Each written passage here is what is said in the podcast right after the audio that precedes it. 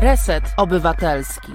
Dzień dobry, witam Państwa serdecznie. E, witam w Resecie Obywatelskim. Ja nazywam się Dominik Kwiatkowski, a to jest program e, Każdy jest ważny. E, witam serdecznie naszych słuchaczy, wszystkie osoby, które nas dzisiaj, dzisiaj oglądają i słuchają, a będziemy dzisiaj rozmawiać o edukacji, o powrocie, o powrocie ze zdalnej edukacji do realnej, chociaż ta, chociaż ta zdalna wcale, wcale nie była nierealna. E, porozmawiamy o wyzwaniach, które, e, które się z tym łączą. E, zastanowimy się nad tym, dlaczego wracamy do szkoły, czy, czy właściwie dzieci i młodzież powinni, powinni powinny wracać, wracać do szkoły. A zastanowimy się dzisiaj wspólnie z moim, z moim gościem, którym jest dr Sławomir Drelich, politolog, etyk, adiunkt na Wydziale Nauk o Polityce i Bezpieczeństwie Uniwersytetu Mikołaja Kopernika w Toruniu i wicedyrektor pierwszego liceum ogólnokształcącego imienia Jana Kasprowicza w Inowrocławiu. Witam serdecznie Ciebie Sławku, cześć. E, cześć Dominiku, dzień dobry, witam Państwa. E, więc tak jak powiedzieliśmy na wstępie, e, dzieci i młodzież wracają powoli systemowo w miesiącu maju, a następnie w miesiącu czerwcu do szkoły, tak, i z tym będą wiązały się pewnie różne wyzwania, zarówno dla uczniów, jak i dla nauczycieli. A ja chciałem się zapytać e, właśnie o to na początek, jaki to ma sens, bo mamy dzisiaj 9 maja, e, mamy 9 maja, powoli uwalniamy kolejne roczniki, które wracają do szkół. Za chwilę, za chwilę mamy tak, tak naprawdę wakacje, tak, wyczekiwane dla wielu osób jakaś chęć e, odpoczynku e, od, od tych wszystkich pandemicznych, trudnych spraw. Powiedz mi, po co wracamy do szkoły właśnie teraz? Ja myślę, że dobrze, że wracamy, no bo, bo od tego jest szkoła, e, żeby młodzież, dzieci do tej szkoły chodziły i żeby tutaj robiły to, co, to, co jest przewidziane odpowiednimi przepisami prawa. Poza tym trochę Mm, taka pusta szkoła, szkoła bez dzieci, e, nawet prowadząca nauczanie zdalne, to jednak nie do końca taka szkoła, jaką sobie wymyśliliśmy. Tak mi się wydaje. Sądzę, że trzeba przede wszystkim ten miesiąc, bo to de facto będzie miesiąc, no bo ja tylko przypomnę, że 17 maja e, są dwa tygodnie hybrydy, czyli, czyli przez dwa tygodnie będzie się uczyło mm, stacjonarnie pół szkoły, a, a druga połowa będzie się uczyła nadal zdalnie, no i później po 29 maja, no de facto 31 y, wrócimy wszyscy, no właściwie na ten niepełen, niepełen miesiąc, bo, bo tam w ostatnim tygodniu czerwca mamy zakończenie roku. Więc y, ja myślę, że trzeba sobie y, całkiem serio i bardzo mocno powiedzieć, że wracamy na ten miesiąc do szkoły nie z przyczyn dydaktycznych, ale z tych dwóch pozostałych celów szkoły, mianowicie z przyczyn opiekuńczych i z przyczyn wychowawczych. Myślę, że tutaj powinniśmy być tego świadomi, szczególnie pewnie część nauczycieli w jakimś stopniu sfrustrowanych tym, że nie zrealizowali wszystkich treści kształcenia, że e, nie są pewni uczciwości egzekwowania wiedzy, mm, tych wszystkich testów, sprawdzianów, które uczniowie przez y, cały okres nauczania zdalnego pisali. Y, myślę, że ci powinni sobie jasno powiedzieć, no skoro czegoś nie jesteśmy pewni mm, w ciągu całego tego prawie rocznego okresu e, epidemii i nauczania zdalnego, no to, to ten miesiąc na pewno nie jest po to, żeby się upewnić, e, czy te treści osiągnęliśmy, czy nie osiągnęliśmy, czy nas młodzież oszukiwała na sprawdzianach, czy nie oszukiwała, czy my daliśmy się robić w konia, czy nie daliśmy. To nie, to nie jest po to ten czas. Ten czas jest raczej po to, żeby e, wrócić do, do tej murowanej szkoły, pozwolić tym dzieciakom, także młodzieży, pobyć ze sobą, zintegrować się ze sobą, y, no żeby zacząć naprawiać te negatywne skutki y, nauczania zdalnego i bynajmniej nie mam na myśli skutków dydaktycznych, y, tylko ewentualnie psychiczne, wychowawcze. Ale to powiedziałeś właśnie, poruszyłeś ciekawy wątek, bo mm, ja się zastanawiam nad tym, czy części nauczycieli nie będzie kusiło właśnie E, to, żeby teraz wyegzekwować to, czego się nie udało robić na zajęciach zdalnych. Pomijam już lekcje wychowania fizycznego, prawda? I być może chęć niektórych WF-istów do przykręcenia teraz śruby i sprawdzenia, prawda? Ile Polaka przybyło, prawda, do szkoły, tak, ile obywatela nam tu przybyło, ale, ale właśnie z drugiej strony to nauczanie zdalne jednak jest, było wyzwaniem, jest nadal wyzwaniem, nie tylko dla uczniów i nauczycieli, ale też dla rodziców. Ty mm, nie masz trochę wrażenia, że przy tym nauczaniu zdalnym w tym, w tym okresie blisko roku, y, no może nie chcę mówić o tym, kto był wygrany, kto był, kto był przygrany, ale uczniom trochę było jednak y, łatwiej i lepiej, mm, lepiej się, że tak powiem, no, klasycznie no, migać, ślizgać, tak, my też byliśmy w szkole, więc, więc wiemy, że, y, no, no, że, że, nierzadko nie chciało nam się wszystkich przedmiotów, prawda, uczyć, albo wybieraliśmy sobie te przedmioty, albo w ogóle po prostu nam się nie chciało, czy mieliśmy ciekawsze, ciekawsze rzeczy.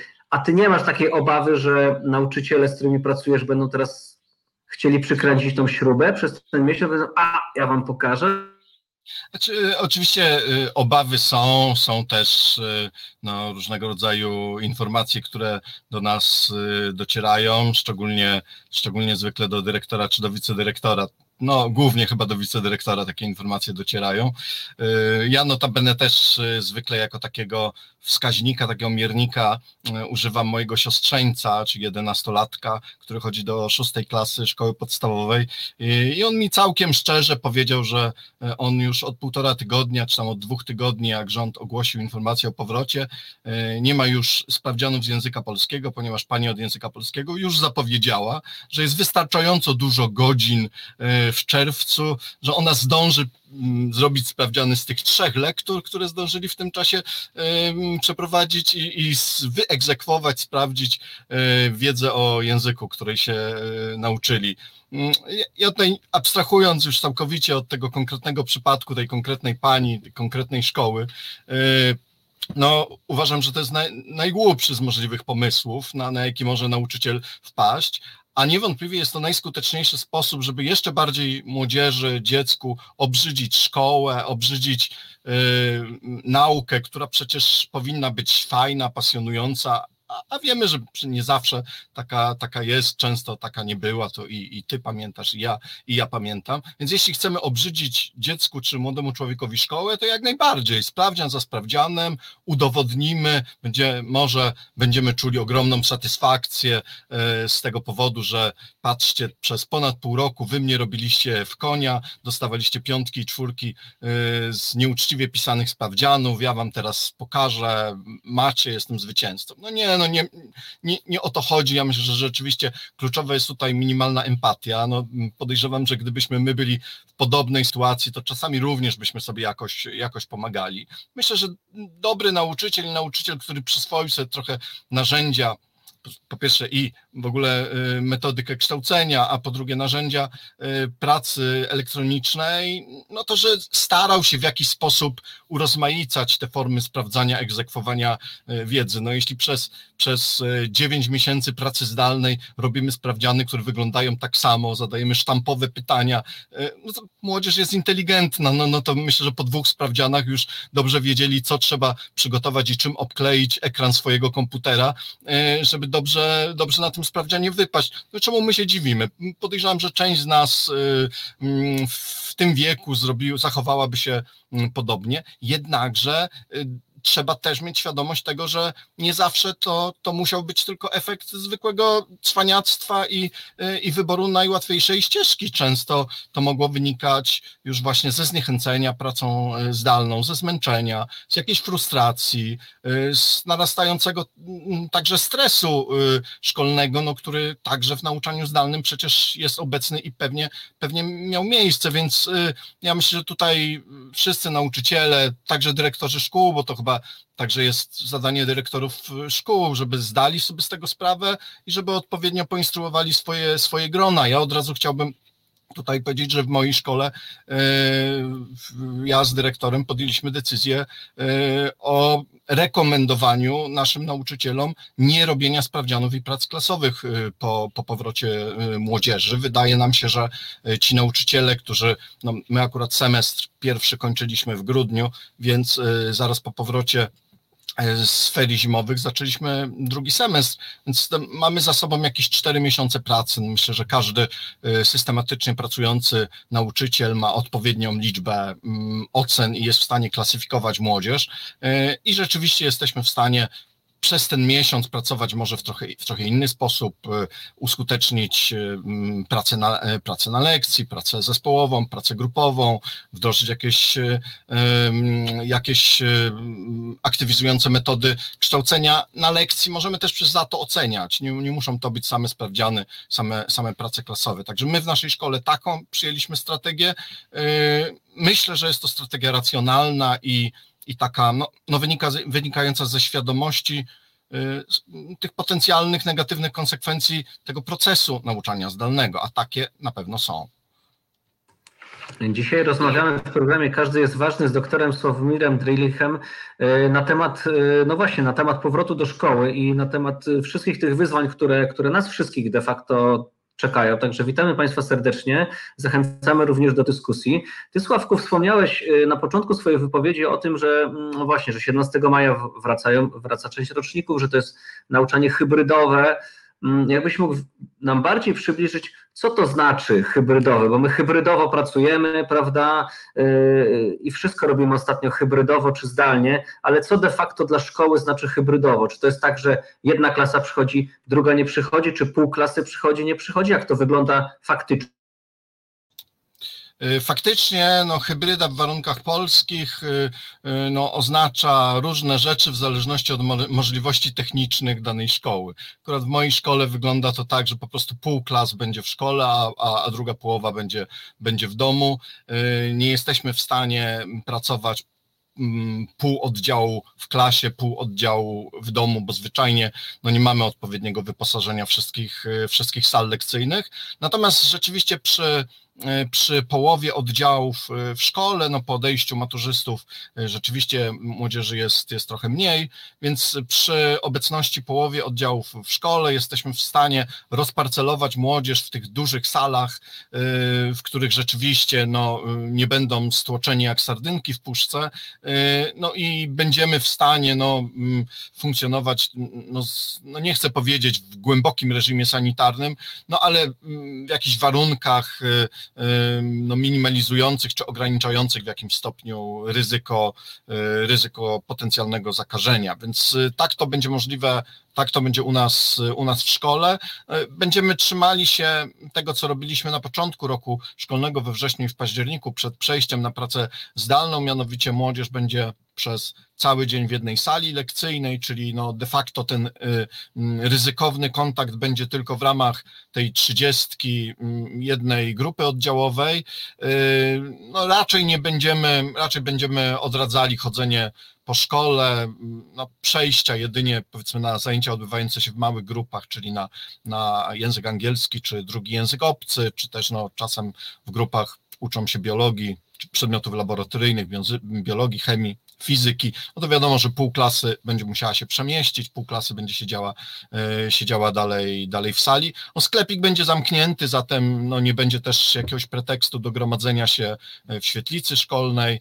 E, no więc sądzę, że no i, i wyznaczymy też wyznaczymy też określone przerwy, w trakcie których określone klasy będą mogły chodzić do biblioteki. No, wszystko, żeby minimalizować to, to ryzyko, ryzyko zakażenia. Oczywiście no, nie da się tego, tego ryzyka całkowicie usunąć. Myślimy, że no, no zdajemy sobie z tego sprawę, że jest to jakby wpisane w powrót, powrót do szkoły. No, na szczęście na szczęście te większość nauczycieli jest zaszczepionych pierwszą dawką. W, w tym tygodniu e, nasi nauczyciele mm, we wtorek będziemy szczepieni drugą dawką, więc de facto można powiedzieć, że no w jakimś tam sensie te osoby najbardziej zagrożone będą zabezpieczone. To chyba jest kluczowe. No jeśli, jeśli rzeczywiście przyjąć, że był sens szczep e, szczepienia nauczycieli przed powszechnym udostępnieniem szczepień, no to ja myślę, że właśnie to był ten sens, po to, żeby rzeczywiście kiedy będzie możliwe, to że rzeczywiście przywrócić dzieci do szkół. No właśnie, bo to była też e, dosyć duża i dosyć mocna dyskusja na temat tego, no po co szczepić nauczycieli, prawda? W tym pierwszym okresie, skoro jest e, więcej, e, więcej grup potrzebnych, nauczyciele siedzą i, i pracują zdalnie, ale z drugiej strony, tak jak mówisz, no dzisiaj jesteście w stanie pobrać dużo, drugą dawkę jako nauczyciele szczepionki i być uodpornieni albo po prostu przechodzić łagodniej mm, samego, mm, samego wirusa i być przygotowani do, mm, do nauki. Mnie zastanawia jedno, ty masz takie wrażenie, masz taki odsłuch ze strony nauczycieli, że faktycznie, e, tak jak mówiłeś wcześniej przy, jednym, przy jednej z odpowiedzi, że, e, że nauczyciele, że, że ta szkoła jest pusta i że ta szkoła czeka na uczniów. Masz takie odczucie, że nauczyciele y, mają taką potrzebę bezpośredniego kontaktu w większości, czy może, czy może jest tak, że, że ta praca zdalna też im zaczęła odpowiadać, że, że to też w jakiś sposób jest, jest dla nich, nie wiem, wygodne, lepsze, przyjemniejsze? Y, szczerze mówiąc, nie znam w moim gronie, y, a jest to no, czterdziestu kilku nauczycieli. Y, nie znam w moim gronie osoby, która by powiedziała, że, że nie ma sensu powrót do szkoły i że to nauczanie zdalne mm, jest w porządku i, i trwajmy sobie. Oczywiście y, no, są nauczyciele, no, szczególnie osoby no, powiedzmy w wieku, y, wieku przedemerytalnym, no, które mają jakieś obawy, nawet po, po zaszczepieniu pewne obawy mają przed tym kontaktem z młodzieżą, jednakże te obawy raczej nie skutkują no, takim przekonaniem, że, że ten powrót jest, jest niepotrzebny. Oczywiście pojawia się pytanie, y, no, czy, czy jest sens ryzykować w ciągu, y, w ciągu tego miesiąca przed, przed wakacjami, bo pojawiają się oczywiście takie głosy, że, mm, że skoro w jakimś tam sensie y, ten rok jest, no nie chcę powiedzieć stracony, ale nieefektywnie może w pełni wykorzystany, no to może już dajmy spokój tym, tym dzieciom, pozwólmy za chwilę cieszyć się cieszyć się wakacjami.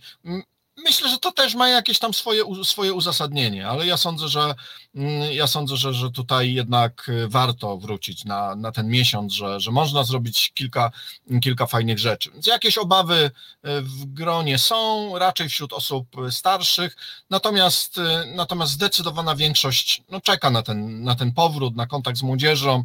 No, myślę, też większość nauczycieli wybrała tę pracę, no także ze względu właśnie na jej taki społeczny wymiar, taki społeczny walor.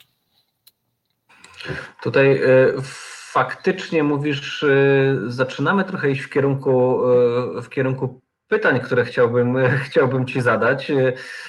Trochę tak jak w znanym filmie, prawda, że już uprzedzasz odpowiedź, zanim jeszcze, zanim jeszcze padło pytanie. Ależ tak bardzo, żeśmy się, szanowni Państwo, nie, nie przygotowali dzisiaj do, do tej rozmowy, żeby Sławek dostał pełną listę pytań i po prostu nam tutaj mm, odpowiadał, ale mm, no właśnie, no właśnie, zastanawiam się cały czas nad tym, nad tym, że jednak coraz więcej osób i coraz więcej specjalistów, nie tylko specjalistów z zakresu edukacji, ale też specjalistów zajmujących się chociaż dobrostanem, zdrowiem psychicznym osób dorosłych, ale też, ale też dzieci i młodzieży, mówi o tym, że ten powrót do szkoły powinien mieć właśnie, tak jak mówisz, walor bardziej społeczny, psychospołeczny i taki walor mm, powiedzmy bardziej pedagogiczny, tak?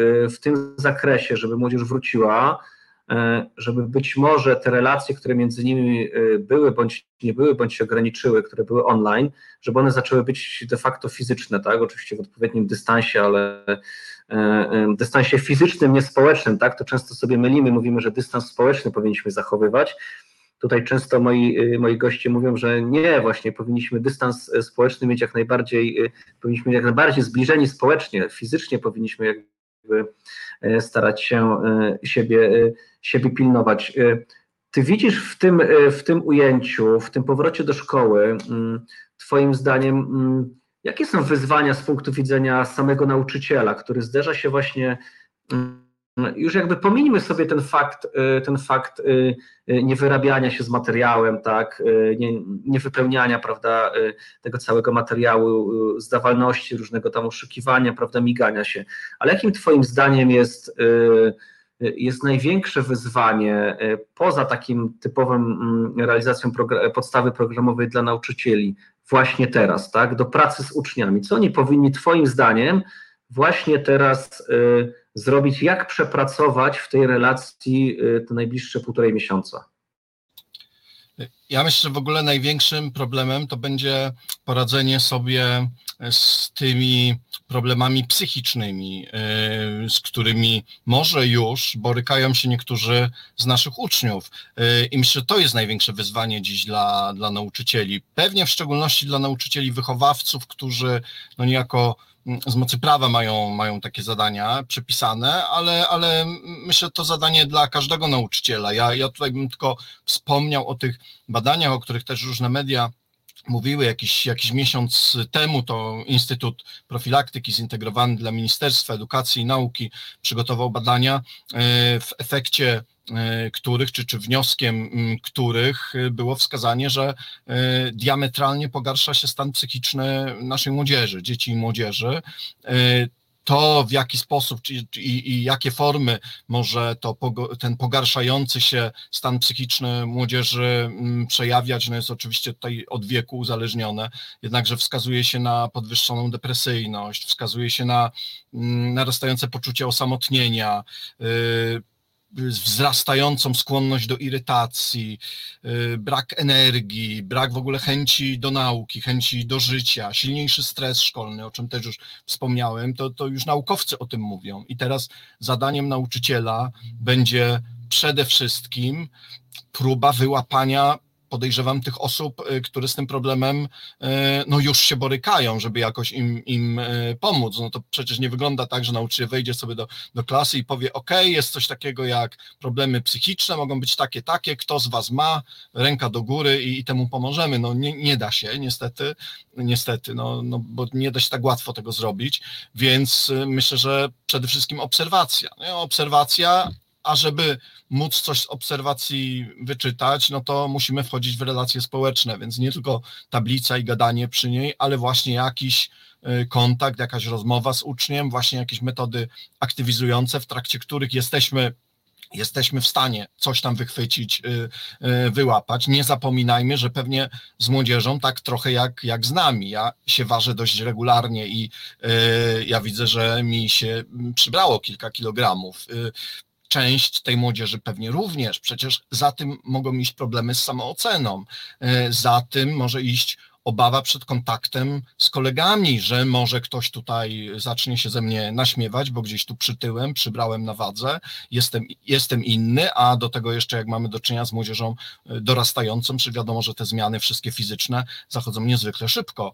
E, zmiana głosu chłopców chociażby, nie? No to, to wszystko idzie z sobą w parze i, i tutaj zadanie nauczyciela jest, jest gigantyczne, jest ogromne i dlatego ja wcale się nie łudzę, że ja przez ten miesiąc pogonię z materiałem, przyspieszę z materiałem i, i, i przyspieszę realizację treści kształcenia. Wręcz przeciwnie, uzna, o, ja jestem na tyle komfortowej sytuacji, że z klasą pierwszą skończyłem ten materiał, y, więc de facto ja mogę sobie pozwolić na miesiąc takiej pracy no, powtórek w formie integracji, ale z drugą klasą jestem w, w, w, tyle, bardzo mocno z treściami kształcenia, natomiast w ogóle się nie nastawiam na to, żeby, żeby tutaj y, przyspieszać, y, poganiać. Raczej właśnie chcę poświęcić ten czas na jakąś formę integracji. Oczywiście z nauką w tle, no to, to nie jest tak, y, że nie będziemy się uczyć, ale raczej będzie to ukierunkowane na, na relacje społeczne.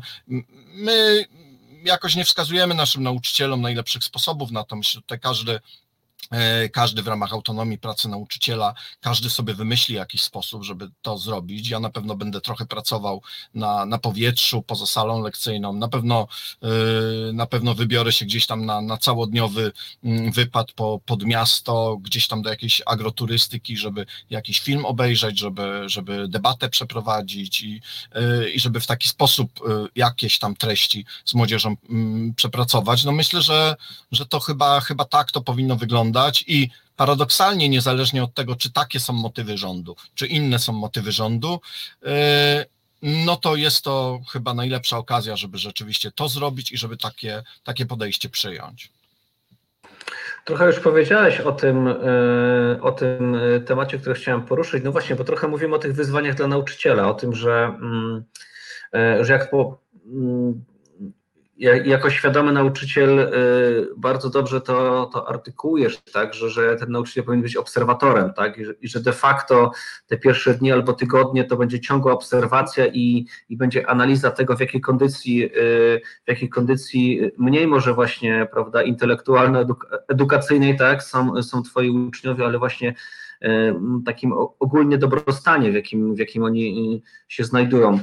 E, ale jak sobie patrzysz, e, jakbyś chciał sobie przez chwilę, bo mówiłeś trochę o swoim siostrzeńcu, popatrzeć oczami, e, oczami ucznia i próbu, spróbować wejść na chwilę w jego, w jego buty, to jak Twoim zdaniem, jakie może być dla niego największe wyzwanie, kiedy on po, no po pół roku, po siedmiu miesiącach, są różne, różne okresy, po roku nawet przychodzi do szkoły. Trochę o tym powiedziałeś, tak, że jakby też organizm młodego człowieka się zmienia, też pewne relacje, tak, no, no tak jak my dzisiaj, tak, widzimy się, prawda, od, od powiedzmy szyi w górę, tak, e, e, nie widzimy, ile nam kilogramów przybrało, czy, czy, prawda, czy jesteśmy sprawni, mniej sprawni, czy, czy mamy trądzik, prawda, czy nam włosy urosły, czy nie urosły. Większość dzieciaków ma wyłączone kamerki, tak, nie włącza tych kamerek na, na tych zajęciach. No właśnie, jakbyś się na chwilę postarał tak wbić w głowę ucznia, to co jeszcze może, może temu uczniowi, no jakby z, z czym on się może borykać jeszcze przed pierwszym dzwonkiem? Ja myślę, że właśnie przede wszystkim e, e, uczeń się boi kontaktu ze swoimi rówieśnikami. Ja myślę, że mniej z nauczycielem, e, a najbardziej chyba, chyba ze swoimi rówieśnikami. I to ma wymiar dwojaki, bo po pierwsze, jeśli rzeczywiście mm, uczeń mm, tego okresu pracy zdalnej no w tym sensie intelektualnym nie przepracował tak, jakbyśmy to sobie wyobrażali. E, pewnie część młodzieży pracowała rzetelnie, na tyle, na ile czuli się zmotywowani, zmobilizowani, ale, ale rzeczywiście myślę, że, że to była jakaś tam grupa mniejszościowa e, część, części pewnie tej motywacji brakowało. E, natomiast z jednej strony, jeśli ten uczeń nie przepracował intelektualnie tego czasu y, na maksa, na, na 100%, które, które mm, zrobiłby w szkole, to on będzie się bał swojej obecności na lekcji ze względu na to, nie żeby się, nie, żeby się że się może skompromitować przed nauczycielem, tylko ze względu na to, że się skompromituje przed swoimi kolegami, że za chwilę y, może być z tego powodu mm, zmarginalizowany, mm, czy, czy, no, czy różnego rodzaju formy przemocy psychicznej, jakiegoś hejtu nie zostaną zastosowane przez y, jakichś y, mniej lubianych kolegów, więc to jest pierwsza strona. No druga strona to, to o czym już, już mówiłem, czyli właśnie ten wygląd, ta, te, te zmiany y, dotyczące, dotyczące danej, danej osoby. Więc ja myślę, przede wszystkim to jest obawa przed rówieśnikami. Obawa przed nauczycielem, to ja podejrzewam, że to jest dopiero, dopiero na, na drugim planie. Ja notabene rozmawiałem z moimi uczniami, z, nie z każdej klasy, bo nie miałem okazji, ale z kilku klas rozmawiałem i pytałem ich właśnie, czy, czy, czy się cieszą na powrót do szkoły. Muszę przyznać, że większość się nie cieszy, e, bo właśnie ma takie obawy. Po pierwsze ma obawy, że nauczyciele e, wytoczą działa pod nazwą sprawdzian praca klasowa i teraz wam pokażę. No a po drugie, mm, no to rzeczywiście to, że nie są pewni, e, jak będą funkcjonowali w grupie, bo się dawno nie widzieli w danym gronie. Tutaj szczególnym przypadkiem jest niewątpliwie młodzież, która we wrześniu trafiła do nowej szkoły, czyli przede wszystkim mam na myśli e, uczniów szkół średnich, którzy poszli do pierwszej klasy we wrześniu, e, mieli tylko półtora miesiąca, żeby zżyć się z tym organizmem mm, klasowym. Niektórzy znaleźli sobie już nowych kolegów, no ale podejrzewam, że, że niektórzy mogli jeszcze nie znaleźć. Nie? Jak ja sobie przypomnę siebie jako, jako licealistę, wcale nie byłem taki, taką osobą bardzo kontaktową, więc y, jeśli dobrze pamiętam, to ja w pierwszych dwóch miesiącach nie miałem dobrych kolegów jeszcze, w, jeszcze u mnie w liceum. Więc oni w pewnym sensie przez te ponad pół roku no, funkcjonowali gdzieś tam na obrzeżach może tej klasy, bez jakiegoś oparcia w grupie rówieśniczej. E, jeśli mieli jakichś kolegów, koleżanki ze szkoły podstawowej, z którymi nadal podtrzymywali kontakty, to, to okej. Okay. Natomiast, e, natomiast jeśli nie, bo zawsze byli troszkę wyalienowani, no to myślę, że, że im jest szczególnie, szczególnie trudno. Więc obawy są, obawy są duże. Notabene właśnie parę dni temu mój siostrzeniec też mi powiedział, że on się boi powrotu do szkoły i, i że on się wcale tak nie cieszy y, z, z tego.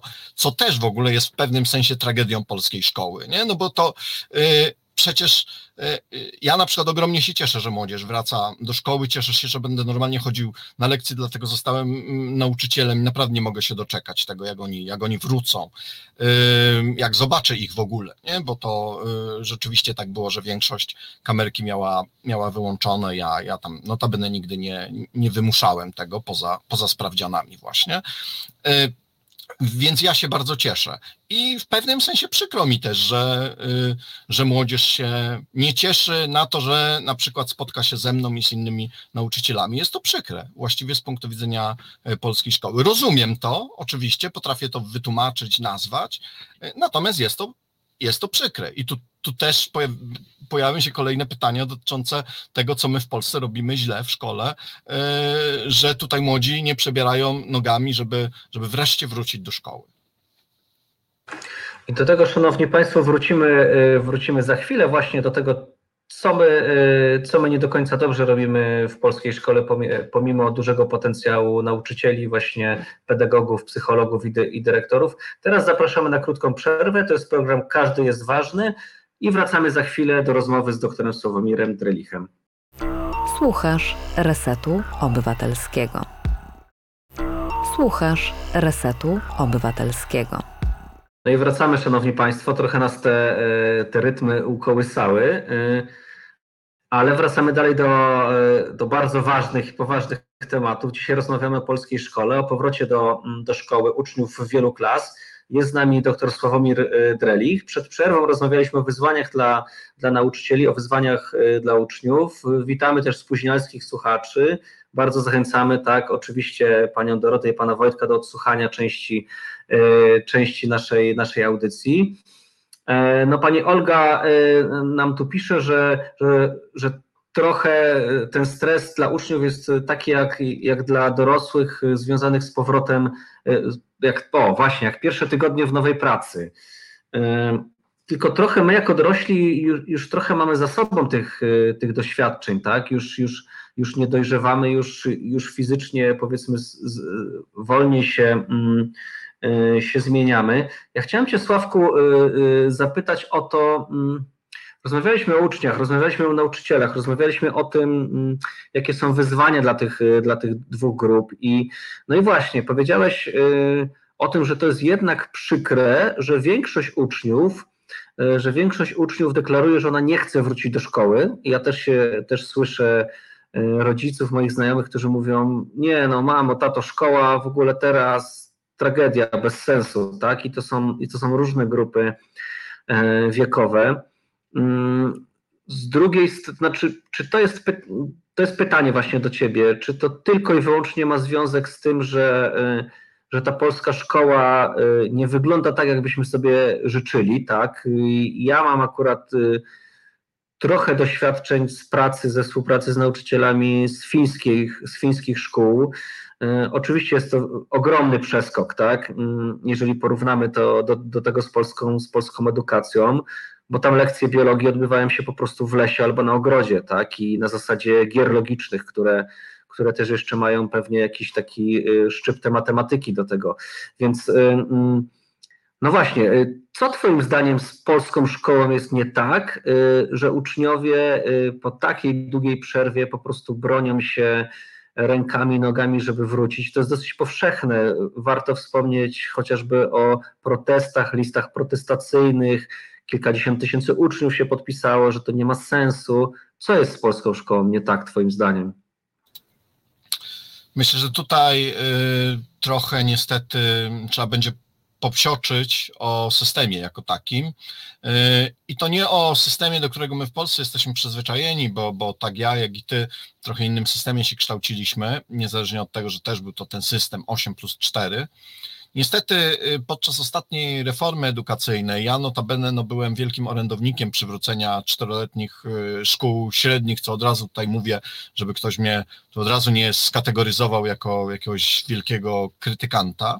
Byłem wielkim zwolennikiem przywrócenia ośmioklasowej szkoły podstawowej po to, żeby ograniczyć czy zmniejszyć niejako tę częstotliwość przechodzenia młodzieży ze, ze szkoły do szkoły, zmniejszyć liczbę tych egzaminów zewnętrznych. Według mnie ośmioklasowa szkoła też jest w stanie bardziej zapewnić czy zagwarantować takie poczucie bezpieczeństwa młodzieży, jakieś poczucie stabilizacji tym, w tym dramatycznie szybko zmieniającym się świecie. Myślę, że taka ośmioklasowa szkoła podstawowa może być rzeczywiście czymś bardzo dobrym. Jedna, jednakże wraz z wprowadzaniem tego, tego systemu 8 plus 4, no niestety kompletnie nie przemyślano takiego wymiaru programowego tej nowej szkoły i niestety my ponosimy tego konsekwencje, my nauczyciele i najbardziej uczniowie. Dlatego, że nowe podstawy programowe, które napisano, są podstawy programowe niesamowicie anachroniczne, głęboko mm, zakorzenione w takim podejściu jeszcze z naszych czasów, y, głęboko wiedzowym, niekoniecznie, mm, niekoniecznie musi to być wiedza operatywna, praktyczna, y, niekoniecznie musimy badać y, i kształtować umiejętności młodzieży. Po prostu chodzi o o wiedzę, wiedzę, wiedzę i jak najwięcej tej wiedzy. I rzeczywiście, jak porównamy nawet podręczniki, a ja jestem też autorem podręczników, y, jak y, porównamy podręczniki, y, podręczniki tej podstawy programowej, która teraz obowiązuje do podręczników poprzedniej podstawy programowej, to możemy się za głowę złapać. Właśnie ze względu na przesyt różnego rodzaju treści, teorii, koncepcji, które, które tam zamieszczono i chroniczny brak czasu na to, żeby Mm, odnieść to do jakiejś praktyki i do takiego wymiaru umiejętności. Do czego to doprowadza? Doprowadza do tego, że e, uczniowie klas siódmych, ósmych, a później mm, właściwie całe cztery lata e, liceum spędzają w szkole po 7-8 godzin dziennie, dosłownie, dosłownie. Są takie klasy e, licealne, które mają trzy razy w tygodniu 8 lekcji, a dwa razy 7. To jest no, po prostu gigantyczna liczba godzin i realizowanych treści, treści kształcenia, tam gdzie oprócz tego wszystkiego nauczyciele muszą bardzo szybko realizować te treści kształcenia, bo jest ich y, tak dużo. Tutaj właśnie wspomniałeś Dominiku o tym, o tej lekcji biologii w ogrodzie, czy gdzieś tam w lesie, w fińskiej, w fińskiej szkole. Ja tylko ci na przykład powiem, że w ubiegłym roku, czyli w piątej klasie, ten właśnie mój siostrzeniec, na którego przykład często się powołuje, uczył się na lekcji biologii y, budowy mikroskopu i na pamięć y, i musiał wyrecytować, z jakich elementów ten mikroskop się y, składa. Ja jego zapytałem, ale Igor, oglądaliście coś przed tym mikroskopem? On mówi, nie, nie oglądaliśmy, ale wie, jak się nazywa poszczególna część. Ja powiem, do diabła, po co, dlaczego, why, więc to, to nie jest do niczego potrzebne. Nie? Kluczowe jest raczej, raczej to, żeby umieć wziąć ten mikroskop i coś pod nim obejrzeć nie? I, i żeby, żeby wyciągnąć wnioski z tego oglądania. I trochę niestety tak jest. Ja uczę, uczę wiedzy o społeczeństwie klas z rozszerzeniem, gdzie rzeczywiście tej wiedzy jest bardzo dużo, y, uczy się bardzo szczegółowych rzeczy, nie tylko dotyczących ustroju państwa, ale dotyczących na przykład systemu prawnego. Y, nowa podstawa programowa jest tak wyładowana, że tak na dobrą sprawę y, uczeń trzeciej klasy nowego liceum będzie miał wiedzę prawniczą, pod niektórymi względami oczywiście, przypominającą wiedzę studenta drugiego, drugiego roku prawa. Po co? Nie wiem po co. E, tym bardziej, że pewnie dużą, dużą część zapomni po egzaminie maturalnym. Nie? E, więc parę błędów i to, i to strasznych błędów e, popełniono. Z tego zresztą myślę, myślę, że tu potwierdzeniem też jest, są relacje rodziców tych pierwszych roczników po, po reformie, uczniów klas siódmych i ósmych te dzieci po raz pierwszy zderzyły się z tym gigantycznym akademizmem e, polskiej szkoły, więc e, największym problemem jest właśnie, jest właśnie system. Nie nauczyciele, wśród których mamy wielu naprawdę fajnych, kształcących się, kreatywnych e, e, pedagogów, także empatycznych, nie dyrektorzy, którzy, którzy no, bardzo często starają się znaleźć jakiś złoty środek pomiędzy, pomiędzy z jednej strony wymaganiami ustawodawcy, a z drugiej strony rzeczywistością. I rzeczywiście wiele polskich szkół jest bardzo dobrze zarządzanych, no tylko niestety, niestety sam, sam system, a no my też, od nas też wymaga się realizacji tych treści. Ja, jeśli, jeśli ja przygotowuję do matury, no to e, ja mogę być świadomy, że tego jest za dużo i że część tej, wiedzy jest, jest nieprzydatna, jest nieoperatywna, no ale chcę, chcę też, żeby e, moi uczniowie dobrze zdali maturę, że się dostali na dobre mm, kierunki studiów, no i muszę to wszystko zrealizować. No to, to, to poruszyłeś bardzo szeroki, e, szeroki temat właśnie tego, mm, tego, do czego potem ta wiedza jest wykorzystywana. Ona jest wykorzystywana do sprawdzenia, czy się ją posiada po prostu e, na kolejnym, kolejnym poziomie e, i, i ta ilość wiedzy, czy na uniwersytecie, potem, prawda, przy zdawaniu egzaminów, jak to, jak to było za naszych czasów, czy, czy właśnie kwalifikowaniu się w jakiś inny sposób, no to było, no to było było kluczowe. Od tego raczej nie odejdziemy w najbliższym czasie i nie ma co się, y, co się, y, co się spodziewać, że to się zmieni. Y, mnie trochę cieszy to, co powiedziałeś a propos, a propos wiedzy o, o społeczeństwie. Może tak z przekąsem powiem, że, no, że więcej tych informacji dotyczących systemu stanowienia prawa, być może doczekamy się, doczekamy się studentów czy absolwentów liceów, którzy którzy będą faktycznie mieli świadomość dotyczącą właśnie stanowienia prawa, dotyczącą konstytucji, dotyczącą relacji właśnie państwo-obywatel. To by było mm, pożyteczne, być może.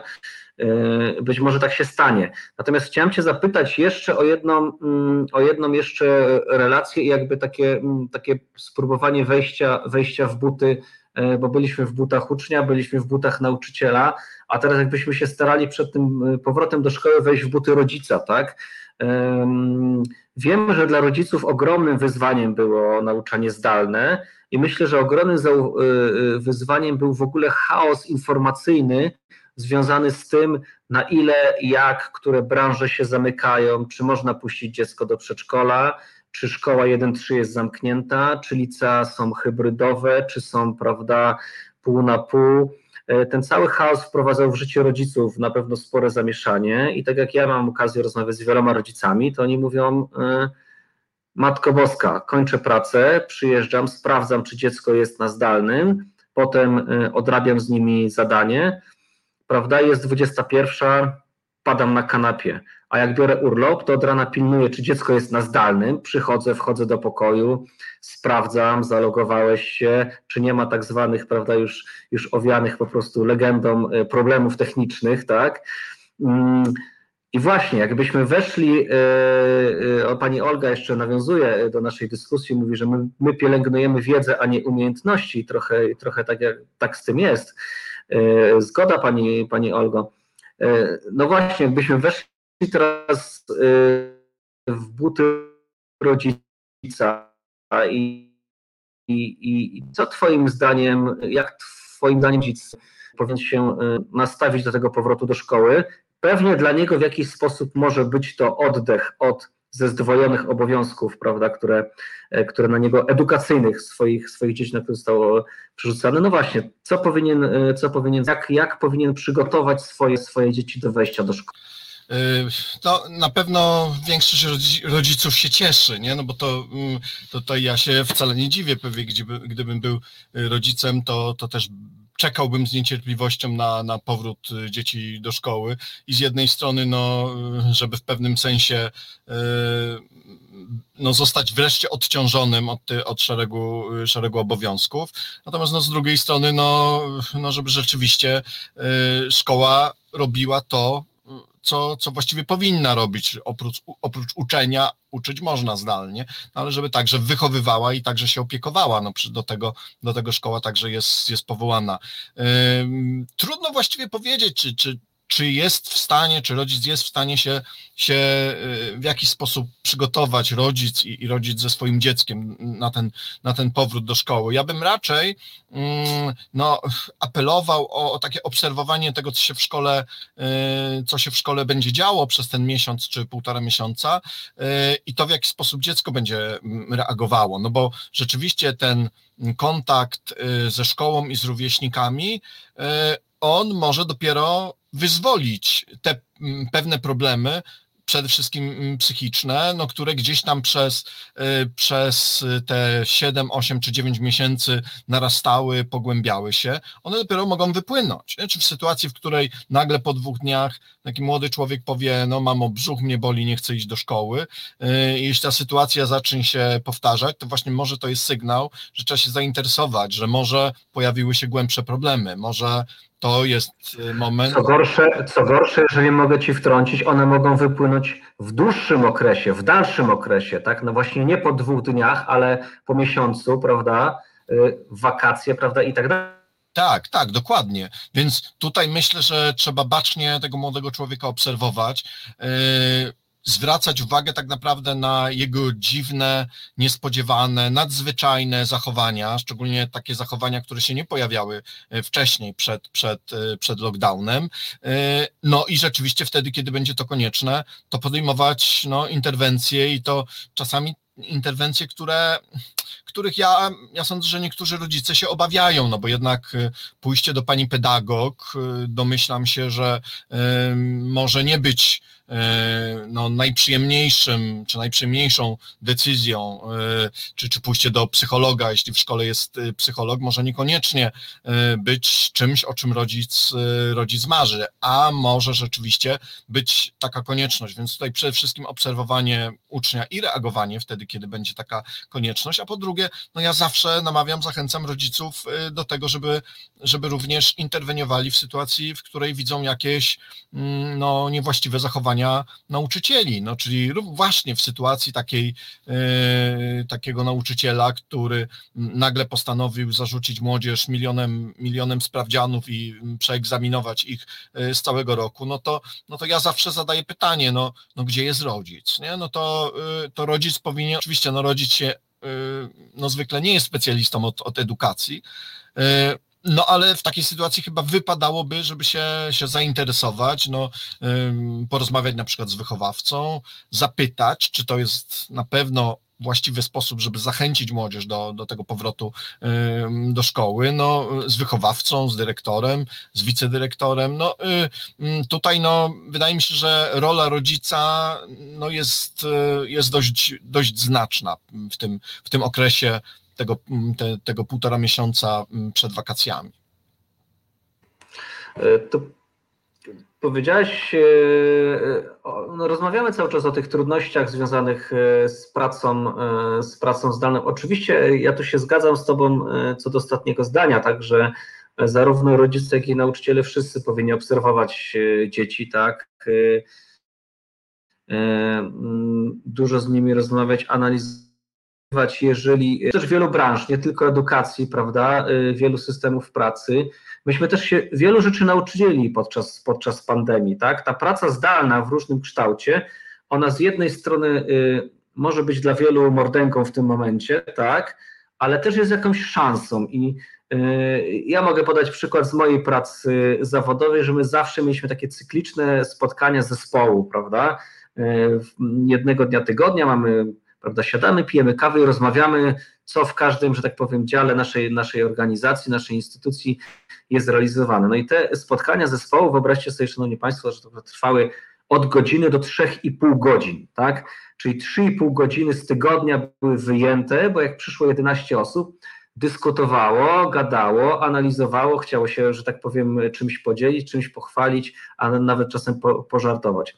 Kiedy przeszliśmy na ten system zdalny, to e, te nasze spotkania cykliczne, które mają jednakową wartość, trwają godzinę, prawda? One są zdalnie, każdy się łączy, prawda, e, tak jak my dzisiaj w programie, omawiamy przez godzinę wszystko, jest prowadzący, zrobione, załatwione. I pytanie jest teraz e, na koniec moje mm, o polską szkołę. Czy, czy nie jest tak, że nauczyciele czy dyrektorzy szkół nie analizują i nie myślą sobie, kurczę, a może na przykład taki jeden dzień zdalnej nauki byłby dla nas e, dobrym rozwiązaniem? Czy może takie rozłożenie pewnych, pewnych zajęć, jakichś akcentów, być może na przykład taki piątek, który by się kończył, prawda, albo w ogóle by nie zaczynał się w szkole, byłby dobrym rozwiązaniem, bo skoro już potrafimy pracować zdalnie w jakiś sposób, tak możemy ułożyć przecież ten, e, ten grafik. No, Francja kiedyś miała taki, e, taki, nie wiem czy do dzisiaj to funkcjonuje w Francji, że środa, środkowy dzień to był dzień wolny dla uczniów, a e, to było też testowane, a w, a w pozostałych dniach więcej było tej nauki i oni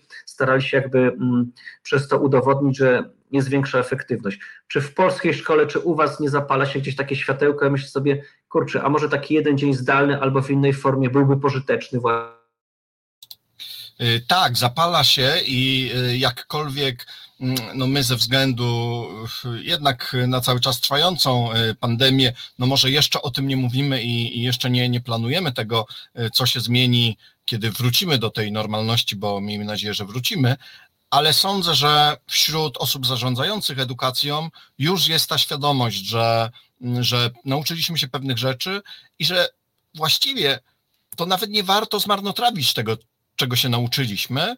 No a po drugie, tak jak powiedziałeś, wiele rzeczy jesteśmy w stanie zrealizować, może nawet bardziej skutecznie, może bardziej konkretnie, szybciej, sprawnie. No, my, my, widzimy to na przykład podczas posiedzeń rad pedagogicznych. Niektóre posiedzenia rad pedagogicznych yy, rzeczywiście stały się nieco krótsze. Nie bardzo krótsze, ale nieco, nieco krótsze, właśnie ze względu na to, że są, e, że są zdalne, może jest mniej dyskusji. Znowu nie znaczy to, że tej dyskusji nie ma, nie ma w ogóle, ale jest jej rzeczywiście trochę mniej.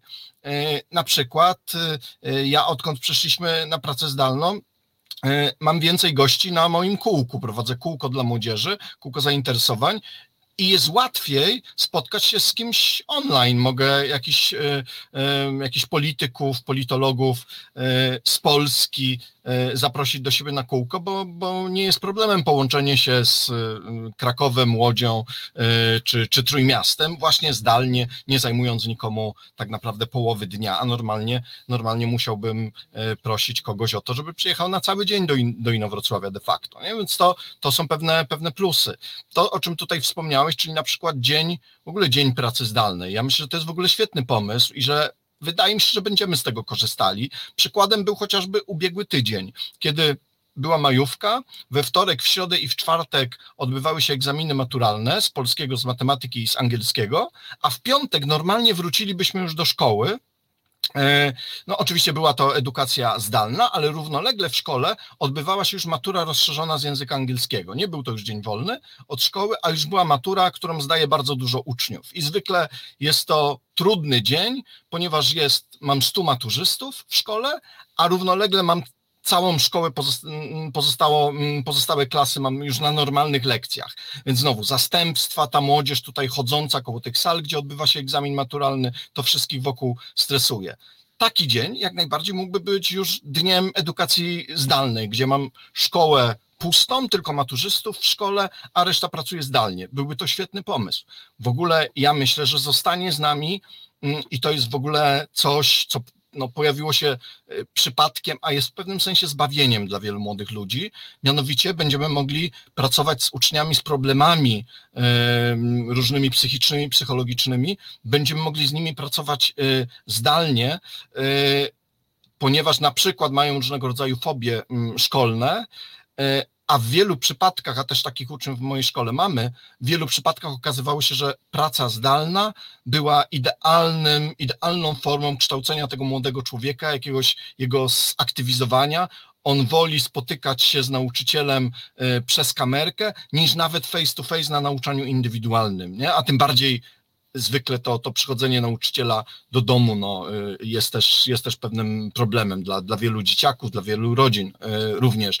Więc ja myślę, że to na pewno z nami, z nami zostanie, szczególnie jeśli chodzi o, o młodzież po na przykład różnego rodzaju zabiegach, operacjach, którzy są intelektualnie na tyle sprawni, że mogą pracować, nie muszą tracić miesiąca, miesiąca edukacji, będą mogli kształcić się, kształcić się y, zdalnie. Więc ja myślę, że to z nami, to z nami zostanie i chwała Bogu. I dobrze, że to zostanie. Myślę, że także szereg innych, y, szereg innych rzeczy będziemy mogli, mm, będziemy mogli robić właśnie, właśnie w taki sposób. No to obyś, obyśmy y, z takim y, myśleniem pozostali. Faktycznie, tak jak wspomniałeś, przecież, przecież wiele osób, które, tak jak mówisz, boryka się z różnymi problemami, może korzystać z tego, że właściwie nauczyciel prowadząc zajęcia już po prostu nie online, ale, ale w szkole, po prostu włącza kamerkę, włącza, włącza laptopa, dziecko się łączy i uczestniczy razem z klasą, tak naprawdę niemalże jeden do jednego, tak, niemalże na równi z równym. No, no mam nadzieję, że, że będziemy płynęli powoli, ale w kierunku tej Finlandii, tak, czy Kanady, po to, żeby, żeby rozwijać naszą, naszą młodzież, po to, żeby zmniejszać im problemy, ale też zwiększać ich wiedzę i umiejętności, ale nie tylko samą wiedzę, o czym żeśmy dzisiaj tutaj, e, tutaj rozmawiali. E, z tym chyba zostawimy e, Państwa. Dziękujemy serdecznie. Dzisiaj moim Państwa gościem był dr Sławomir Drelich. Zapraszamy na kolejny, kolejny program Każdy jest ważny. Zapraszamy, żebyście rozmawiali ze swoimi pociechami, żebyście rozmawiali z nauczycielami, żebyście byli w cały, w cały czas w pełnym kontakcie, reagowali na wszystkie sytuacje, które, które mogą być dla Was niepokojące, bo myślę, że też pewnie zgodzisz się ze mną na koniec, że bardzo dużo informacji zwrotnej da nam ten powrót do szkoły właśnie po pandemii i właściwie wnioski będziemy mogli sobie też wyciągnąć we wrześniu. Także tak, dziękuję Ci bardzo, Sławku. Zdecydowanie tak. Ja dziękuję bardzo za zaproszenie, dziękuję za spotkanie. No i trzymam kciuki za, za wszystkich, za uczniów, e, za nauczycieli, żeby ten powrót na półtora miesiąca był dobrym powrotem. Y, tobie i sobie i wszystkim, wszystkim tego życzę. Serdecznie dziękuję. E, za chwilę z Państwem Marcin Celiński. To był program Każdy jest ważny. Ja nazywam się Dominik Kwiatkowski. Dziękuję bardzo i do zobaczenia. Do widzenia. Reset Obywatelski. To był program Resetu Obywatelskiego. Subskrybuj nasz kanał na YouTube, obserwuj na Facebooku i Twitterze.